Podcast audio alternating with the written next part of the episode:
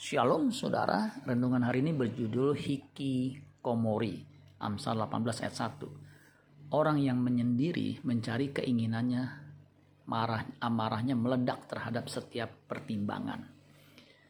Tuhan menciptakan manusia sebagai makhluk sosial. Dia ciptakan Adam dan juga Hawa untuk berkomunitas atau berkeluarga. Manusia adalah makhluk atau komunitas global yang berhubungan satu sama lain. Natur kita adalah makhluk sosial, homo socius. Homo socius adalah makhluk sosial, manusia sebagai makhluk sosial. Manusia selalu berhubungan dengan manusia lain dan saling tolong-menolong. Di Jepang ada istilah hikikomori. Hikikomori artinya secara hurufiah menarik diri, mengurung diri, Hikikomori adalah istilah Jepang untuk fenomena di kalangan remaja atau dewasa muda di Jepang yang menarik diri dan mengurung diri dari kehidupan sosial. Istilah hikikomori menunjuk kepada fenomena sosial secara umum sekaligus sebutan untuk orang-orang yang termasuk ke dalam kelompok sosial ini.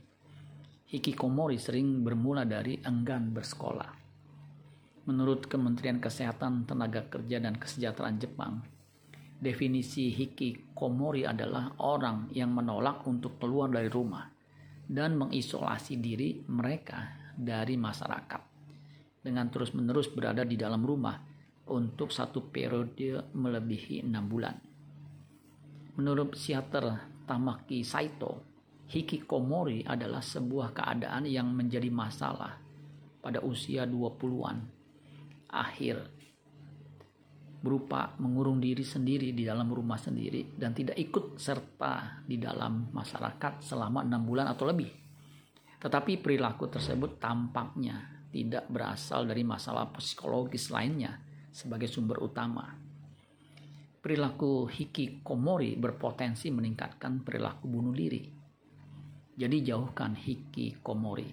Dari segi kejiwaan menurut pakar psikologi Jepang, menyebutkan bahwa faktor utama yang menjadi pendorong bunuh diri adalah merasa terisolasi yang berkembang menjadi depresi.